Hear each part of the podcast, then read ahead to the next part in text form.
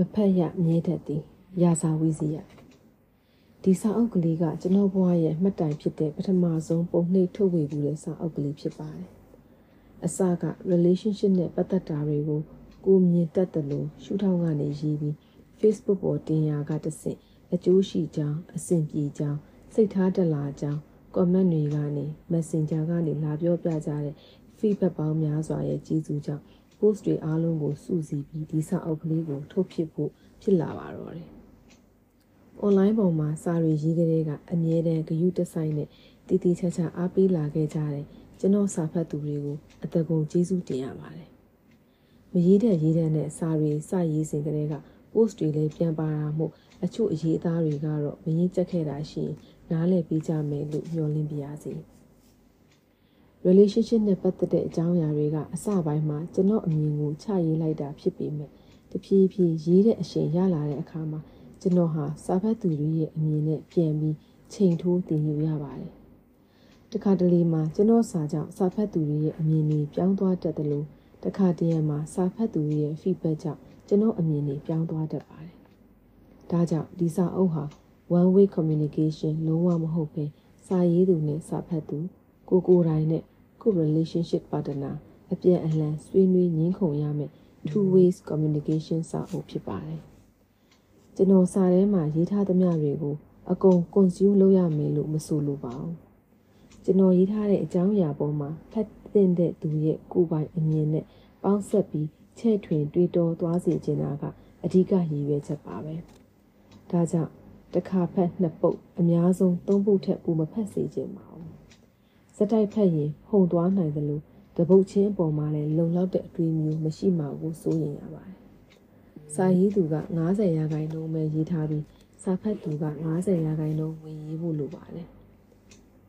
relationship ကိစ္စတွေပြဿနာတွေစိတ်ပိုင်းဆိုင်ရာလိုအပ်ချက်တွေဟာအတန်တာတဲ့ဂီတာတစ်လုံးဆိုရင်ဒီစာအုပ်ကကျိုးညှိတဲ့ tuning page တစ်ခုပါဖြစ်ပါလိမ့်မယ်စာရေးသူကျွန်တော်ကယောက်ျားလေးဖြစ်တာကြောင့်ဒီစာအုပ်ကိုဖတ်ရင် ယောက်ျားတွေဘလို့တွေးသလဲနှက်နှက်ချွတ်ချွတ်သိရပါလိမ့်မယ်။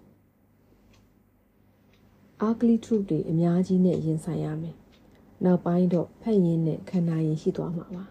။ဖြစ်နိုင်ရင်တော့ဒီစာအုပ်ကို relationship ထဲမှာပါဝင်သူနှစ်ယောက်စလုံးကဖတ်ထားသင့်ပါတယ်။ဒါပေမဲ့စိုးရိမ်စရာတော့မရှိပါဘူး။တယောက်ကဖတ်မိတဲ့အခါတေချာပေါက်ကျန်တဲ့တယောက်ကိုဖတ်ခိုင်းမှာပါပဲ။အရာမတူတဲ့ highlighter နှစ်ချောင်းကိုဝယ်ထားပြီး သူ့ကိုကိုအဓိကပြောချင်တဲ့အချက်တွေကိုလိုင်းတားပြီးစာအုပ်ကြားခံထားရင်ပြောလို့တော့ရပါတယ်။ကိုကိုယ်တိုင်မပြောဖြစ်ခဲ့တဲ့စကားတွေကိုစာအုပ်ကအစားပြောပြတာမျိုးပေါ့။ကိုကိုကိုအယိုးသားဆုံးရှာဖွေတွေးရှိစေချင်တာကြောင့်ဒီစာအုပ်ကိုနှစ်ယောက်အတူမဖတ်ပဲတယောက်တည်းရှိချိန်မှာဖတ်စေချင်ပါတယ်။ယောက်ျားနဲ့မိန်းမကြားကမတူညီမှုတွေကိုအဓိက highlight လုပ်ပြီးရေးထားတဲ့စာအုပ်ဖြစ်တာကြောင့် stereotype ဆန္ဒတွေပါပါလိမ့်မယ်။ black or white ထင်ရှားစေခြင်းလို့ရေးတဲ့နေရာမျိုးတွေမှာ gray box တွေမေးမိန်နေတာမျိုးတွေပါပါလိမ့်မယ်။ဥပမာမိန်းမတွေဟာယောက်ျားတွေထက် physical strength အားနည်းတယ်ဆိုရင်ကျွန်တော်ပြောနေတာဟာကမ္ဘာအတန်မာဆုံးကာယဗလမဲ့အမျိုးသမီးအကြောင်းမဟုတ်ပါဘူး။ရိုးရိုးယောက်ျားနဲ့ရိုးရိုးမိန်းမကိုပြောတာပါ။ရေဘူးရအများစုကိုဆိုလိုတဲ့သဘောပါ